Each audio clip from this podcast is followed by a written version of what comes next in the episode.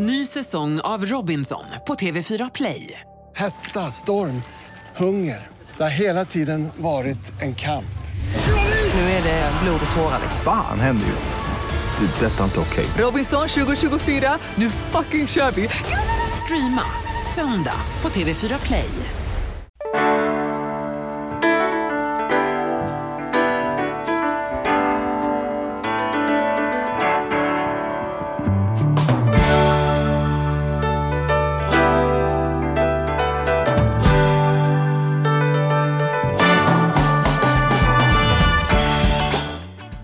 Välkommen till Ekonomi på riktigt med Charles och Mattias, en podcast om ekonomi.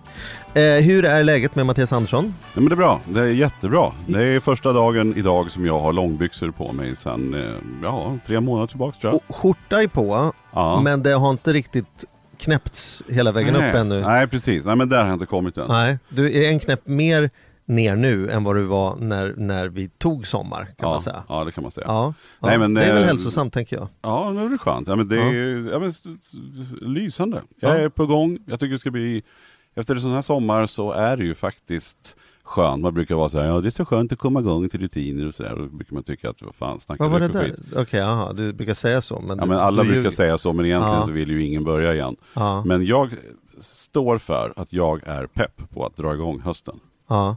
Jag tror att jag har fått sån dos med sommar och sol och Båttur och båtturer. klippor och- ja. ja.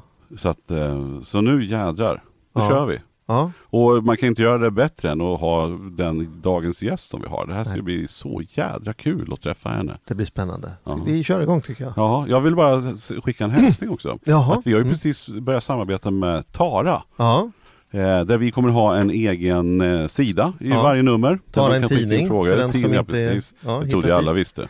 Ja, men man skulle kunna sitta och bara bli nollställd och tänka, vem är hon? Ja, ja, det, det är namnet på en tidning. Tidningen Tara. Mm. Eh, ska bli så kul att samarbeta med dem. Ja, Så att eh, de har en egen, eh, man kan skicka in frågor, vi kommer svara så gott vi kan. Vi kommer ha en egen eh, sida där, man kan gå in på ja, deras, alltså sajten och hitta grejer och sådär. Så och har man bli långa frågor, alltså eller om vi tycker att vi har långa svar, då kan det hända att man blir inbjuden hit och sen gör vi ett, ett litet Ja, avsnitt precis. med den personen och tar in någon expert eller två. Vi Ja, det kan bli vad det Eller blir. så kommer vi ta in något, något case. Alltså Ja, det är kanske någon, ja. eh, någon där som tycker att eh, man har, ja vad det nu kan vara. Ett, ett skönt case.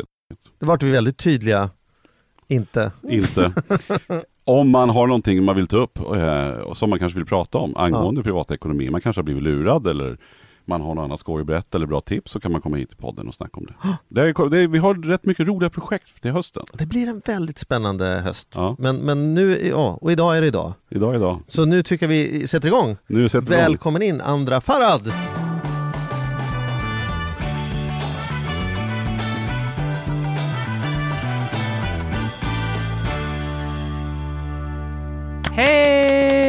Hur är dagsformen? Fantastiskt. Ja. Känner du att, har du haft någon sommar eller går det bara i ett för dig liksom? Ehm, jag tror att, jo men jag har haft en sommar, men jag har inte haft ledigt. Nej. Eh, och det är väldigt skönt, för det är väldigt mycket som händer nu. Jag brukar alltid ta sommaren till att eh, reflektera, planera och eh, sätta nya projekt i rullning. Och så brukar jag vilja åka bort lite under hösten, när det är som mest kaotiskt. Mhm. Men varför, varför har du inte varit ledig i sommar då? Men har du inte sett? Det är, ju, det är ju tidningar och det är tv och det är stora liksom, föreläsningar på arenor och grejer. Det, det, det, Jo, man men må det ju smida så här, medan fast- järnet är fast, varmt lite. Fast andra kan ju få svara på det alldeles själv. Du behöver inte svara åt våra Nej, gäster. okej. Så jag tar av frågan, varför har du inte varit ledig? Nej men det, ehm, man ska absolut smida medan järnet är varmt, men eh, sen tänker jag också att det är valår i år. Det är väldigt mycket som händer och vill man ha möjlighet att påverka, då måste man vara ute i god tid. Mm, Så mycket av den anledningen också. jag förstår. Kan du inte berätta lite hur det började någonstans? Vi måste ju ändå ha, liksom, för de som inte vet och för de som har, har eh, missat eh, din karriär och dig och sådär. Kan du inte berätta lite? Hur började det? Ehm, ja, alltså det började inte med ekonomi, eh, utan jag, eh, jag har alltid varit så här väldigt förvirrad som barn. Jag visste inte riktigt vad jag ville bli. Jag ville bli astronaut och fotbollsspelare och simmare och lite allt möjligt. Och eh, Eh, sen började jag titta på Suits på tv i gymnasiet och då ville jag bli advokat. Ja, fantastisk serie för övrigt. Och han är rätt snygg, Gabriel Mack där, alltså, Alltså, Harvey han- Specter. Han är så jäkla snygg. Ja, det tycker jag också. Eh, Mattias är tv-seriekungen så att det, det, vad du än säger så har han sett det.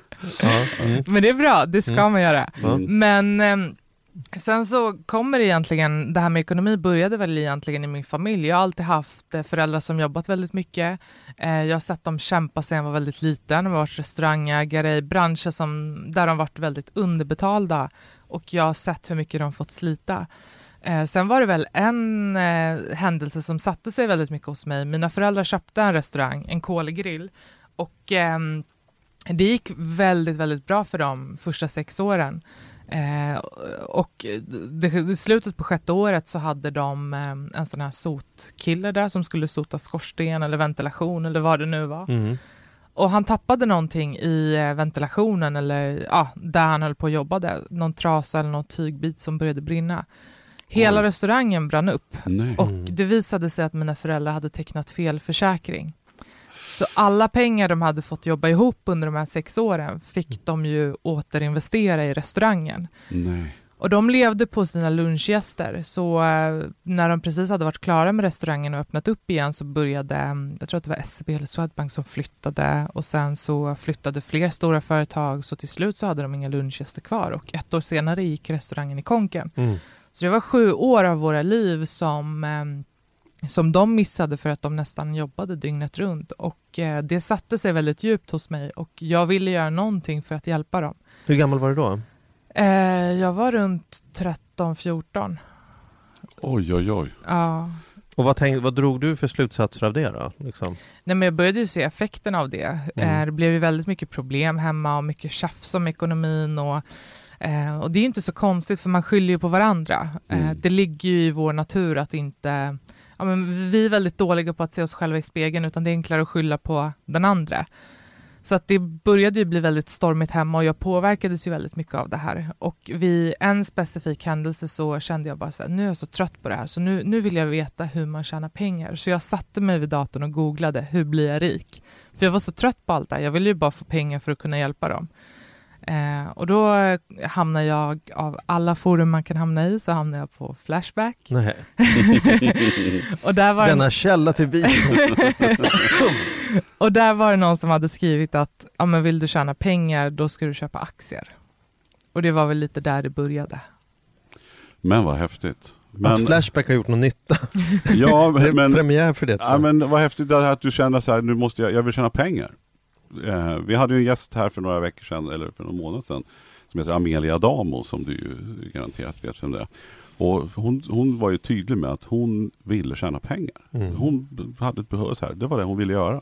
Hon stod för det, och vilket var ja, men inte helt vanligt så. Och inte på den tiden hon var kvinna och gå ut och säga att jag vill, jag- det är det jag vill.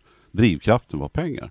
Det känns som lite samma sak för dig här nu att du kände att det var det som var grejen. Men du måste kolla, för det måste varit något mer där.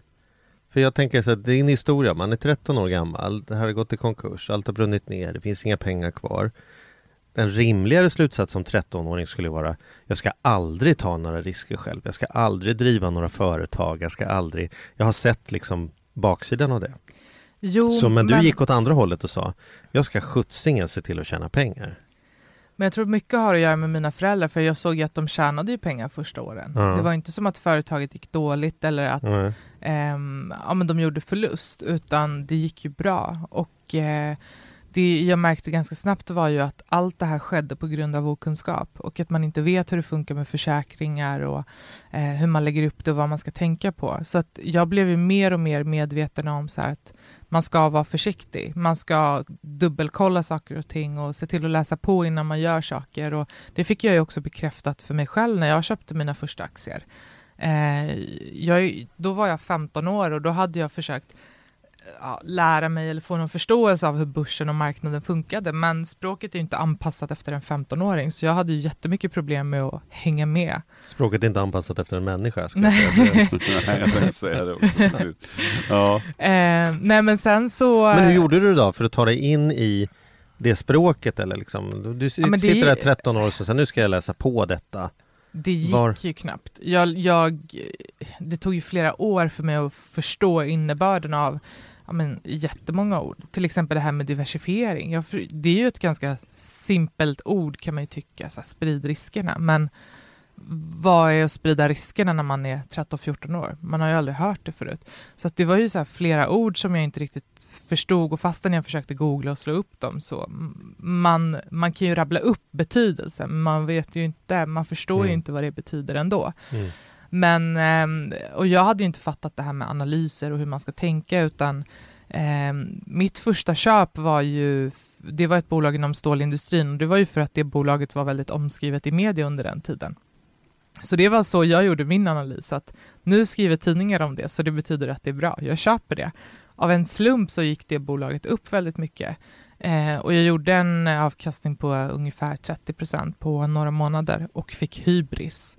Eh, kände mig odödlig och sen så blev jag av med alla de pengarna. Eh, och återigen så eh, var jag tillbaka till att jag måste lära mig. Det är kunskap som behövs. Och då hade jag ju fått det bekräftat, det som mina föräldrar också hade eh, förlorat mycket pengar på. Att det var just kunskapsbristen.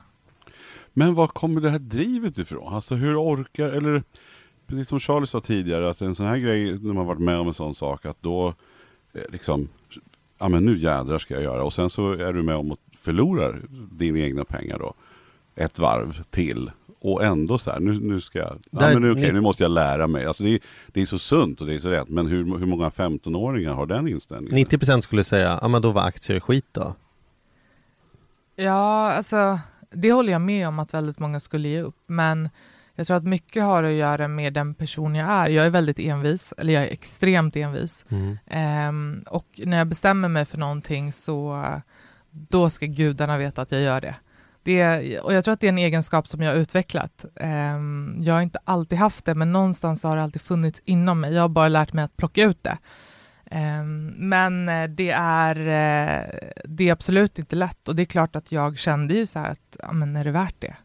Det har jag gjort många gånger nu också med olika saker, både att driva företag och eh, men allt jag gör. Är det värt det? För att man ifrågasätter ju saker som inte går bra. Det är ju en, enklare att eh, ta in saker som går bra, men jag tror att jag eh, fick en försmak. Jag fick en blodad tand eh, Mm. när jag gjorde den eh, Första första, första avkastningen. Så jag visste ju att det gick, men jag behövde ju bara ta reda på hur jag skulle göra. Och hur gjorde du sen då? Hur fortsatte det? Jag, eh, alltså så här var det, jag hade ju, eh, jag gick ju i skolan, eh, så jag skolkade från skolan, hittade ett extra jobb och jobbade som barista på ett café. Fick, jag tror det var 55 kronor i timmen, fick jag. Oj, aha. Så det, det var ju inget superbra jobb, men ehm, jag, jag var där kvällar, helger, började skolka för att jobba, så att jag försökte ju bygga upp mitt kapital på nytt och det tog ett tag. Men sen så hade jag ju en mindre, eh, en mindre summa som jag kunde börja testa igen. Och Hur sen, mycket var det då? Kommer du ihåg hur mycket pengar det var? Eh, Första, första investeringen jag gjorde var 20 000 ungefär. Och då Mm. hade jag sparat eh, ja, men, födelsedagspengar och julpengar och barnbidrag och hela köret i flera år. Sen andra gången, jag tror att det var runt 10-11 000, Mm. Baristapengarna. Barista-pengarna. Mm. Och det som var kul här var ju att mina föräldrar såg ju att jag jobbade väldigt mycket och de började få samtal hem från skolan om att jag inte var där. Eh, men jag var ju alltid pank. Jag hade ju inga fickpengar för att jag investerade i allting. Och de fattade inte vad jag gjorde med mina pengar. Så jag kom hem en dag och mamma stod i mitt rum och gick igenom alla mina byrålådor för hon trodde typ att jag knarkade eller Mm. någonting. Mm. Eh, så de fick veta att jag investerade först när jag var runt, tror det var 1920. Vänta nu, du, mamma går igenom byrålådorna hemma Mm. och tror att du knarkar, men inte ens då säger du så här, nej vet du vad, jag investerar, utan du du mörkade det då också? Va? Så Ja. så nej, lalala, jag vet inte vad de går upp på. Nej, men det var, Varför ville du inte berätta hur det var? Men eh, det, det är klart att jag hade velat berätta, men eh, mina föräldrar kom, alltså de har ingen förståelse för det jag gjorde, utan för dem var det så här, men man kan inte få 100 kronor och bli 150. Det går Mm. inte, det finns en baksida med det. De förstår inte det här med, för de har inte växt upp i en sån, eh, i ett sånt samhälle där man håller på med investeringar eller så, utan man har ju fått jobba för sina pengar och fått lönespara till en viss summa, så det har varit deras värde och jag var rädd för att de skulle säga att nej men du får inte göra det här eller Eh, ja, men för pappa var väldigt mycket så men det här med investeringar i börsen, det är någon kalanka grej det funkar inte så på riktigt. Mm. Så att det var väl det jag var rädd för. Eh, och innan jag hade kunnat bevisa det för mig själv, att jag kunde det här, så ville ju inte jag säga någonting till dem. För då skulle jag bara, eller de skulle bara få en möjlighet att, ja men, ha rätt. Ja, just det. Mm. Och sen hade de kunnat sätta stopp för det kände du. Så att Ja. då tänkte du nu, det vet jag inget säger och kör Ja. på.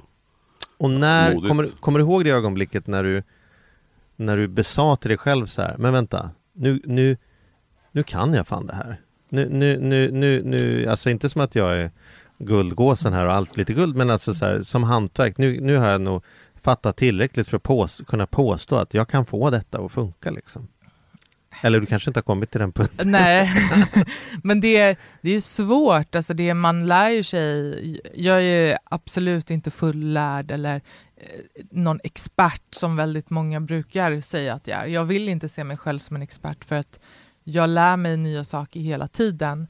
Eh, fastän jag har hållit på nu i snart tio år, eller lite mer än tio år. mm. Eh, glömmer ibland bort åldern för mig själv. Ja men det är Så. sunt, det är jag också. Eller så här, jag förtränger. Det, Ja. Det är två olika ja, ja, just det, det var så det var. Eh, nej men så, eh, jag vill ju vara ödmjuk inför det här och eh, förstå att, ja men så här, ha ett öppet sinne och veta att jag lär mig nya saker hela tiden. Ehm, och inte på något sätt eh, utmåla mig själv som någon expert eller någon som är fullärd eller kunnig till den nivån att jag kan banka mig själv på bröstet. Det var ett väldigt ödmjukt svar, och för att du är säkert ödmjuk, men det måste ändå funnits en punkt när du kände så här, inte så här jag är bäst i världen, men ändå kände så här, ja men fan det här kan bli, det här kan jag nog göra liksom. Alltså. När du vågade gå till mamma och pappa och säga, vet ni vad, det här, det här är vad jag gör liksom. Men det var, så här var det, när de fick veta det, för att jag tog ju med mig min kusin till banken som fick förfalska mina föräldrars eh, namnunderskrift för Mm. att jag skulle kunna starta upp ett VP-konto. Eh, och det var, ja, det var, jag var runt 19, 1920, eller mellan 19–20 någonstans och eh, mina föräldrar behövde pengar för att det var, ja, det var något projekt de hade dragit igång. De, de var verkligen så frustrerade för de visste inte hur de skulle få fram, ja men det var någon, kanske 70-80 tusen. Eh, och då hade jag ungefär 900 någonting på mitt eh, VP-konto. Oj, Så att wow. jag, jag gick ju runt och vart lite så här, ah, ska jag säga något eller ska jag inte göra det eller hur, hur kommer de reagera? Så till slut så kände jag bara så här, skitsamma, anledningen till att jag har gjort det här, det är ju för att hjälpa dem. Det är klart att jag, ska, jag ska säga Mm. någonting. Så då gick jag fram till mina föräldrar och sa att ehm, men jag kan hjälpa er med pengarna. Och de var lite så ja ah, men tack vad snäll du är och vi vill inte ta dina CSN-pengar Mm, och mm. lite så. Eh, och då sa jag till mamma att, ja men vänta här, jag ska visa dig en grej. Och så hämtade jag datorn och min dosa och loggade in. Och så visade Alltså jag där henne... skulle man ju velat filma Ja, ja, vilken, Ja. vilken, ja, wow, vilket moment, Ja. shit. Ja. Eh, och hon tittade på mig och bara liksom såg ut som ett frågetecken. Eh, och hennes första tanke var så här, men du måste ha fått de här pengarna liksom överförda av, Ja. av liksom ett misstag på kontot. Bara fast nej, de är ju investerade så att det, det är ju inte så. Och då eh, fick jag sätta mig ner och förklara allting och eh, att det började för ganska många år sedan. Och, ja. Men vad häftigt alltså. Vad var Men deras ja, reaktion ja, då? Precis, hur reagerade de? Mamma grät.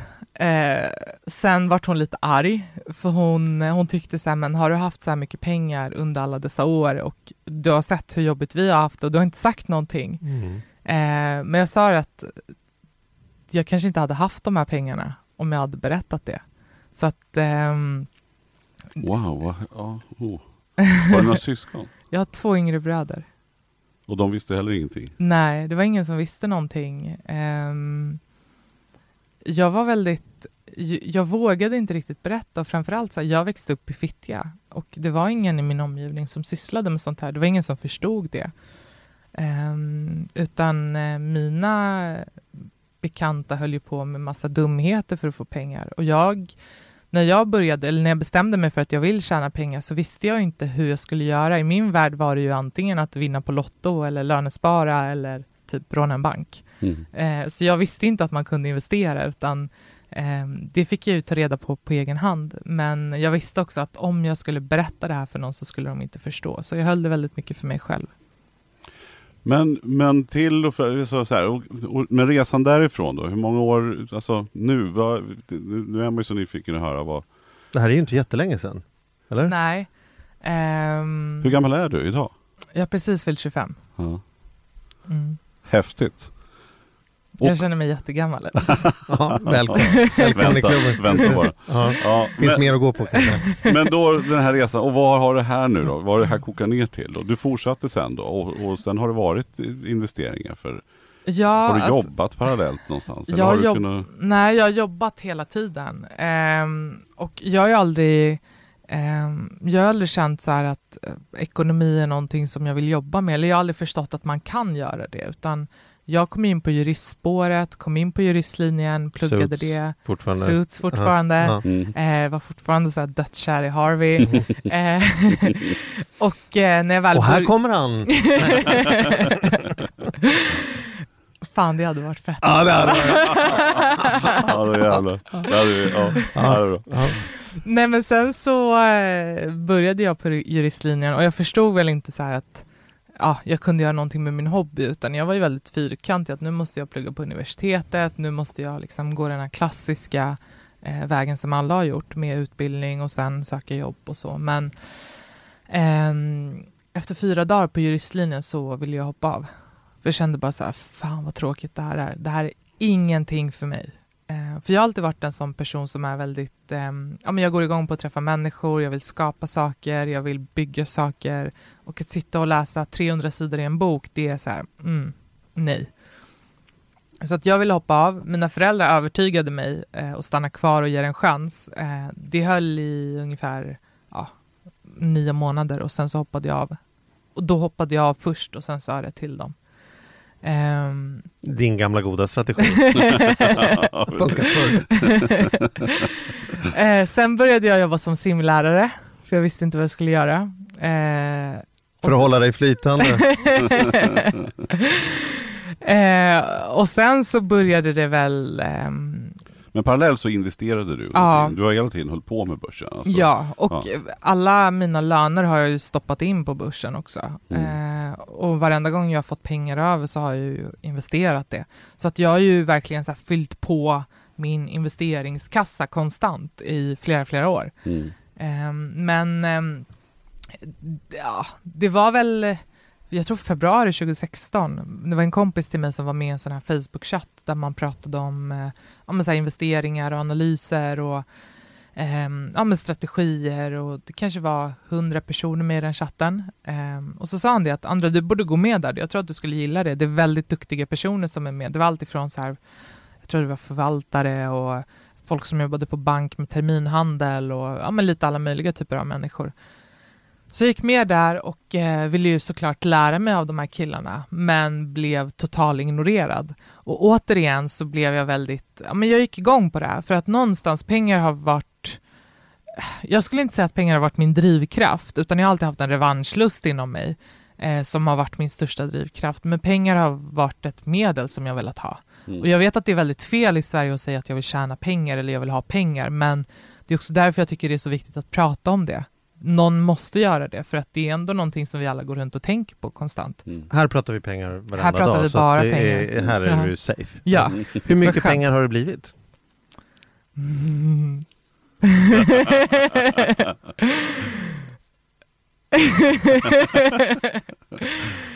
Ehm, tillräckligt mycket för att eh, ja, men jag ska kunna leva det liv som jag eh, velat leva väldigt länge. Eh, nu ligger jag eh, nu har jag inte lika mycket pengar, jag köpte en lägenhet förra, förra, förra veckan. Eh, så att nu får jag ju jobba upp den här kassan igen. Men du köpte lägenheten, cashade lägenheten? Nej, inte, nej, näst, nej, Nästan. nästan. Ja, Ja. det är ju delvis ett svar på en, en lägenhet i Stockholm. så det har blivit, men de här 900 000 har i alla fall blivit ett antal miljoner, det kan vi konstatera. Ah, allt, ja. Varför är, är frågan jobbig? Nej men alltså grejen är den att jag, jag har bara sagt att jag vill inte prata om siff alltså, siffror på det sättet. För att Ja. jag vill prata om kunskapen kring pengar. Hur mycket Ja. pengar jag har är inte alls relevant för någon. Nej, Ehm, ja, fast nu pratar vi om dig. Så att, Ja, men det är fortfarande så här. ja, jag, jag kanske har några miljoner, eh, men det, det kommer inte göra någon smartare eller ja, utan jag vill ju prata om så här, hur gör du för att komma dit jag är? Mm. Och Mm. sprida det, för att det tycker jag är mycket, mycket viktigare, för att det är ju det som folk vill åt. De vill ju också göra samma resa. För du har ju, det vi ska komma till är att du har ju byggt din egen plattform kan man säga. Ja. Eh, Som, och hemsida och grejer som heter Ja. Börshajen. Ja. Berätta lite om det. Hur har du, ja, berätta om, om, om Börshajen helt enkelt. Ja, alltså det var ju där i februari då med den här Facebook-chatten och eh, jag gick ju med där och det var väldigt så här, det var väldigt macho och väldigt så här, hård kultur. Eh, och jag kände direkt så att jag passar inte riktigt in här, men jag vill ändå vara kvar där och ge det en chans för att jag kände så att det finns väldigt mycket att hämta och jag kan lära mig väldigt mycket här. Men jag blev totalt ignorerad. Eh, jag tror att det höll på i nästan en och en halv månad och ehm, då gick jag igång på det här och kände så att jag måste göra någonting för att fånga de här killarnas uppmärksamhet. Men vad kan jag göra? Så jag, ehm, jag visste att de här killarna rörde sig på Instagram. För varje dag efter börstid så skickar de massa screenshots på tjejer. Eh, och eh, jag drog igång ett Instagramkonto som jag döpte till Börshajen och började följa alla de här killarna. Det tog kanske någon timme innan de började följa mig tillbaka och började undra vem är han Börshajen? Han följer oss alla. Eh, och eh, därifrån, eller det var väl där det började någonstans och jag ville ju vara väldigt så här macho i min attityd på det kontot så jag gick inte ut med att jag var jag utan jag hade ju en profilbild på Jordan Belford från Wolf of Wall Street när han kastar pengar i luften. Jag ville ju verkligen så här vara en av dem. Valde du mellan den bilden och Harvey Specter? Eller? hur? Det går inte att välja mellan Jordan och Harvey. Det är Harvey alla dagar i veckan. Men ehm, eh, det var väldigt många som började höra av sig och började undra så här, men jag vill komma igång, hur kan jag göra? Kan du hjälpa mig? Och det var väl där någonstans idén började om att men varför ska inte jag försöka lära ut det som jag har lärt mig under de här åren till människor som inte kan det? Ehm, så jag drog igång en gratisutbildning eh, under åtta veckor och körde i princip så här allt ifrån vad är en börs och vad är en aktie och vad är en fond till så här, hur bygger jag en lönsam portfölj? Eh, hur gör jag en analys och hur tänker jag kring olika strategier? Eh, och fick ihop 54 personer på fyra dagar som ville lära sig investera. Eh, och jag tyckte ju att, jag, jag hade ju scenskräck, det var ju det som var det värsta. Men det enda jag längtade efter varenda vecka var just att få ställa mig där och prata med de här människorna, för att jag såg verkligen hur det lyste i ögonen på dem. Och det förstod jag så att det här kommer jag göra resten av mitt liv. Jag hade ingen aning om hur jag skulle göra, jag var ju fortfarande anställd. Eh, så jag eh, sa upp mig och bestämde mig för att jag ska köra Börshajen på heltid. Jag ska göra det här, men jag har ingen aning om hur jag ska tjäna pengar. Var det, ett läsk, var det ett läskigt beslut? Det är klart, det är alltid, det är alltid läskigt att um, ge upp tryggheten. Fast lön, um, jobba på ett stort företag och man vet att så här, intäkterna kommer varje månad och man har ju utgifter så att man vet ju att man är safe. Men sen att kasta sig in i allt det här, det är liksom en ny bransch för mig. Ehm, och jag har ingen aning om hur man gör. Jag har aldrig drivit ett företag förut. Eh, jag vet inte hur det funkar med försäljning. Alltså det var ju väldigt mycket som var nytt. Ehm, men då satte jag det som mål att inom två år så ska jag ha min första anställda. Och det tog ungefär två månader. Åh, vad häftigt. Men har du lyckats fått in, har du fått hjälp med kapital? Har du fått med dig? Nej, utan jag har ju finansierat allting själv. Ja. Eh, jag eh, äger bolaget själv. Ehm, har inte tagit in något kapital, har inga delägare, har finansierat det själv. Eh, men fördelen för oss har ju också varit att vi har varit vinstdrivande sedan dag ett. Så vi har inte varit i behov av kapital på det sättet. Jag känner två killar som driver en podd som gärna går in och investerar i, i kloka företag, så du får väl ringa. Ja, nej, men, idag, men, men, men liksom, det har ju gått fruktansvärt fort. Måste man ju säga. Jag vet inte om du tycker att det har gått fort, men idag, nu är du 25, du sitter här och du är på eh, topplistan över de mest lovande företagarna i Sverige. Du är räknas upp i Veckans Affärer som el, plats 11 över maktfaktorer i Mm. Sverige inom ekonomi. Alltså så här, det, det är ju helt... Känner du igen dig i det? Tänker du så här, att när du ser dig i spegeln imorgon, ja det är jag. Liksom maktfaktorn, andra. Nej. Nej. Vad tänker du om allt det som händer då? Nej men alltså, för mig så går det ju alldeles för långsamt. Mm. eh, så jag har ju hållit på i ett och ett halvt år. Eh, och jag är medveten någonstans om att det har gått väldigt fort, men jag vill ju liksom, jag vill ju springa ännu fortare och jag vill ju, så här, nästa grej för mig, det är ju att ta det här, digitalisera det, för att problemet är ju ofta så här att man, eh, man har en idé, man har en färdig produkt och sen så ska man gå till marknad och då ska man försöka ragga in kunder och användare. Vi har ju haft ett omvänt problem, vi har ju haft användarna och kunderna, men vi har inte haft någonting Någon att ge dem. Ja. Så det har ju vi utvecklat nu i två år, så att vi kommer ju rulla ut en teknisk plattform nu i höst. ehm, och eh, efter det så är målet att ta den plattformen, ta den plattformen globalt. Så att eh, för mig som vet allt det här som sker eh, har det ju gått otroligt långsamt. Men eh, det är ju väldigt kul och jag är väldigt ödmjuk inför det, för jag vet ju också att många får inte den här, eller väldigt få får den här möjligheten och jag har verkligen försökt ta tillvara på det och eh, använda den rösten som jag har fått till att göra någonting bra. Mm. Jag menar, du, har ju, du är ju uppenbarligen en, en, alltså en supertalang. Jag vet att du har blivit inröstad av Veckans Affärer som nummer 11 va, utav 101 supertalanger. i- Sådär, jag menar, Vad ligger du på den listan någon- Mattias? Nej, jag har ju inte ens varit på den listan. Nej, aldrig jag Ska jag, nominera, jag ska nominera er nästa Nej, år. gör inte det. Nej men jag menar, det har, ju verkligen, ja, men det har ju verkligen gått helt fantastiskt. Men, men det finns ju också, det var ju någonting som hände den 11 maj 2017. Mm. Alltså att det här ska behöva ha någon slags mörk sida är ju tråkigt, men jag måste ändå ta upp det. Ja, Vad, vad var det som hände då? Ehm, jag blev bokad för en föreläsning i, på Södertörns högskola. Och eh, det var... mm, De har en stor aula som tar runt 850 pers. Jag hade precis kommit igång med allt det här. Jag hade hållit på i kanske 6-7 månader. Ehm, och... ehm, fan, nu blir det jobbigt. Eh, nej men ehm, det, det gick väldigt bra. De släppte biljetterna till min föreläsning och eh, 850 platser tog slut på ungefär tre dagar. Och då gick Södertörn ut med någon form av, jag vet inte om det var pressmeddelande eller någon så här, någonting. Eh, och sa att enda gången vi haft så här mycket folk var 2012 när Dalai Lama var här. Så att eh, det blev lite så här snack om det och eh, Eh, jag var ju jätte, jättespänd eh, och jättetaggad för att det var den största föreläsningen jag skulle göra då. Ehm, så att, och jag hade tidigare haft problem med ja, men stalkers och fått väldigt mycket så här näthat och så. Eh, så precis en vecka innan det, torsdagen innan, så är jag hemma. Jag håller på att svara på mejlen, sitter med datorn. Klockan var typ ett, halv två på natten. Eh, och jag skulle upp igen vid ungefär halv sex. Så jag gick och la mig och eh, stängde igen datorn och eh, gick till, eh, och då, då bodde jag själv. Eh, gick till sovrummet och eh, ja, men la mig och sov i ungefär tre fyra timmar.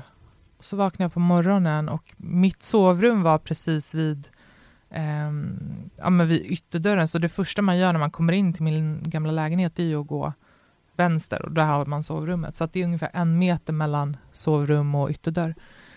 Ehm, och ehm, ja, men då vaknar jag på morgonen och ser att det ligger ett vitt kuvert på, eh, på golvet i hallen.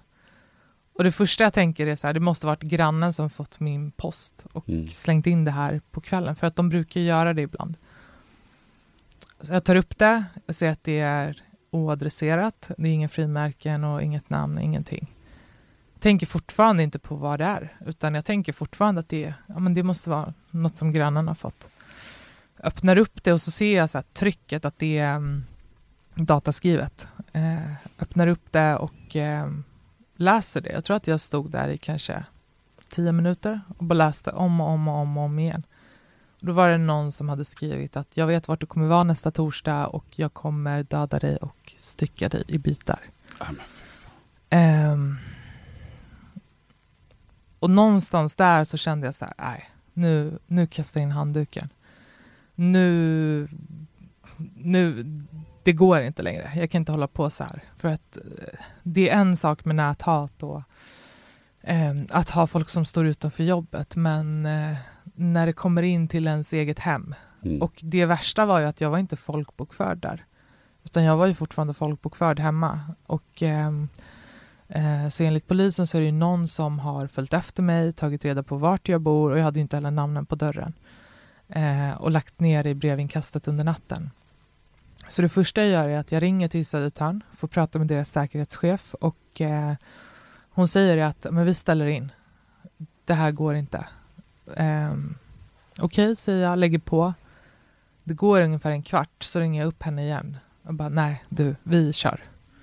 Hon trodde jag var helt galen. Eh, så försökte så här, men vi, vi lägger ner det. Vi kan ta upp det här igen i höst. Men jag kände bara så här att eh, och jag, det är en förmåga som jag har att när jag blir rädd eller nervös eller orolig så stänger mina känslor av och jag blir rationell. Och då tänkte jag så här, men om någon vill döda mig så skickar de inte ett brev hem och så här, du, jag kommer döda dig nästa vecka, bara så att du vet. Så jag försökte ju intala mig själv det, att det kommer inte vara så, men jag var ju, jag var ju skiträdd. Mm. Men det var väldigt viktigt för mig att ställa mig upp där igen och köra en föreläsning, för annars hade jag aldrig kunnat ställa mig på en scen igen. Mm. Den rädslan hade ju satt sig kvar. Så att eh, jag gick igenom den eh, eh, Eh, den veckan och eh, sen kom torsdagen och jag skulle ha föreläsningen. Eh, vi tog in säkerhetsvakter så det var två som stod på scenen eh, och så var det en som stod nedanför scenen och så var det en som stod utanför. Och jag hade ingen aning om vem alla de här människorna i den där lokalen var utan eh, jag såg ju bara en massa ansikten och jag hade ingen aning om vem som hade skickat brevet. Så att varenda gång någon ställde sig upp eller prasslade med en påse eller skulle gå på toa så mm alltså jag, nej, det gick inte för mig. Alltså det, den känslan jag hade i kroppen, benen kändes som spaghetti och varenda gång någon rörde sig så bara blev det svart för ögonen. Men jag tog mig igenom det, men jag har total blackout från den föreläsningen. Jag kommer inte ihåg någonting. Um. Fy fasen. En, en person kan ju vara galen. Mm. Så att det är svårt att dra några slutsatser om en person. Mm. Men som du säger, du pratar om utanför ditt jobb och du pratar om näthat och så vidare. Alltså så här, och då kan man ju bara konstatera att det, det finns, det, det, är flera människor som, som, som på något märkligt sätt tycker att det finns någonting kring dig att bli upprörd på. Vad tror, att, vad, vad, du måste ju tänkt på det, vad är det? Men jag tror att det är jag får ju mycket. väldigt lite av det här. Liksom. Ja, jag tror att det är väldigt mycket med mig som provocerar. Dels att jag är ung, jag är kvinna, utländsk bakgrund och pratar om pengar. Och eh, sen pratar jag väldigt mycket också om förorterna och att jag vill göra någonting där och lyfter dem väldigt ofta. Så jag tror att det är väldigt många som blir provocerade av det. Um, men vad är det som är provocerande vad med är det? Det är väl kanske det bästa, alltså vad... Men det är, jag är ju så här, jag är annorlunda, jag sticker ju ut. Jag är inte den här typiska finansmannen på liksom 40 år och um, ja, alltså det är jag vet inte. Det om jag, om jag gissar så är det mm. nog den jag är och min bakgrund och min ålder och jag vet inte. Men har det lugnat sig sedan dess då? Du ska inte fastna i den, men jag tyckte ändå var viktigt att liksom, för jag menar att du har kämpat igenom det där. Ja, det och. går ju väldigt mycket så upp och ner. Um, ja, det är väldigt mycket. Det har hänt lite grejer nu under sommaren, uh, men uh, det, det har inte varit några mordbrev hem. Nej.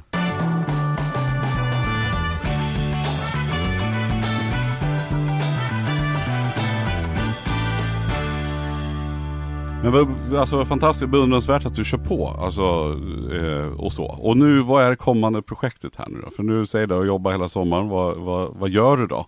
Är det föreläsningar? Laddar du för utlandslanseringen? Vad betyder valet? Sitter du i studios? Vad, berätta, vad, hur ser det ut nu då? Ehm, det är väldigt mycket som händer. Eh, jag håller på att starta upp ett eh, bolag med ehm, två amerikaner. Eh, en... jag vet inte hur mycket jag kan berätta om det här. Nej, det, vet inte vi heller. nej, men vi säger nej, men det stannar mellan oss. nej, men vi håller, ehm, jag håller på att lansera ett ett bolag tillsammans med Quincy Jones och eh, den tredje och mm. Usher, eh, mm, artisten. Ja, så att vi, eh, vi kommer nog gå ut med det här, alltså vad vi ska göra under hösten. Men eh, jag tänkte att Shit, ni, ni får ett smakprov här. Wow! Hur kom ni i kontakt med varandra? Världen är liten. Ja, verkligen. Men jädrar vad roligt! Jaha. Nu blir man ju, det här låter ju riktigt spännande. Ja. Jag kanske kommer tillbaka i höst och berättar mer. Ja, Ja, det får du Absolut jättegärna göra. Du kan, Ja. få, du kan ju få breaka det här ännu mer. Nu. Ja. När du har sagt A så kan du ju få säga B i våran Nej, studio. det är ingen som har fått höra förutom ni. Ja, men det är stort. det är verkligen Vad spännande. roligt! Ja, det ska bli otroligt spännande. För Blir det även fortsatta föreläsningar? Ja. För jag Eh. vet ju, du hade ju enormt stora föreläsningar i våras, Mm. eller hur? Ja, För jag hade en vänner till mig som var, henne var jag lyssnat på, jag tror de sa på Hovet, kan Ja. det stämma? ja. Hur många hade du? 7763 exakt. 7763 personer. Ja. Fan, Som- Charlie, som- du är slagen med hästlängder, du vet det va? Charlie är ju en av, som jag känner, de mesta före, den mesta föreläsaren. Du Ja. har ju föreläst otroligt mycket. Ja, Men där ligger ju du i lä alltså. Hur, Ja. hur känns det? Ja, bra. Ja. Bra att det kommer någon generation och tar över. Nej, Känns som att vi ska ta roligt. ett möte efteråt. Kan, kan få ärva över mer av Nej, men vad roligt. Hur är det då? Hur är det att gå upp inför 7000 Och de är ju där för att lyssna på dig. Alltså vi, ehm, så här var det, vi, eh, de här utbildningarna som jag körde, eller den här kursen, den har, Mm. det har ju bara eskalerat, så att det Mm. har ju blivit mer och mer. Eh, för fem år sedan, ehm, ja men precis fem år innan eh, den här stora eh, på Hovet, så var jag på en Beyoncé-konsert. Mm. Och eh, det var, det det är en magisk känsla att vara på en fullsatt konsert. Det är Mm. liksom, det är puls, det är hög musik och precis, jag stod längst fram och precis när musiken tystnade och vi förstod att så här, nu kommer Beyoncé upp, den sekunden, du vet, folk skrek och Mm. grät och tog massa bilder och alla blickar var riktade mot scenen. Det ögonblicket vände jag ryggen till scenen och såg ut över arenan Mm. och jag bara såg alla kamerablixtar och eh, hur hela arenan lyste upp som en stjärnehimmel. Och där och då så bestämde jag mig för att någon dag så ska jag också fylla en arena. Och, jag, och då var ju jag simlärare. så eh, när, när jag fick den här möjligheten, eller när jag eh, bestämde mig för att jag skulle göra det, då hade jag haft börshajen i ungefär fem månader. Eh, så att jag hade ingen aning om hur det skulle gå, men eh, det blev en hel dag med eh, i princip bara utbildning och paneler och inspirationsföreläsningar och men en hel dag prata ekonomi och pengar och det var fantastiskt kul. Och det var inte bara kostymgubbar i 50-årsåldern som var där? Nej, utan vi hade 77 procent av besökarna var ju kvinnor, Mm. vilket också var helt, det var historiskt för att vara ett finansevent. Mm. Ehm, Häftigt. det var unga folk från Stockholms alla hörn. Ehm, jag tror att det var 30 procent flög in från övriga Sverige. Ja. Så Ja. att nu håller vi på att planera nästa år eh, och kommer ta det till eh, Globen. Mm. Wow. Ja, häftigt. Så det ska bli kul. roligt. Ja, coolt. Fasen vad cool du är. Vad impad man blir när man får höra. Tack. Ja, härligt. Super, super, super stort tack för att du ville komma till oss. Tack Mycket snälla spännande. för att jag fick vara här. Och kom ihåg att du ska komma tillbaka och berätta. Och så. Jag lovar. To be continued. Jag lovar. Jag släpper allting här. Tack så jättemycket. Tack.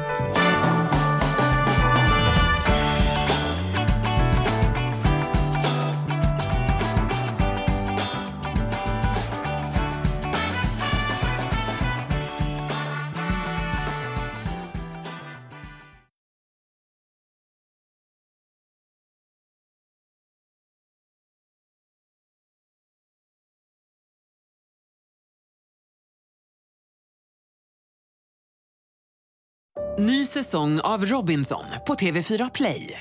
Hetta, storm, hunger. Det har hela tiden varit en kamp. Nu är det blod och tårar. Fan händer just nu. Det. är Detta är inte okej. Robinson 2024, nu fucking kör vi! Streama söndag på TV4 Play.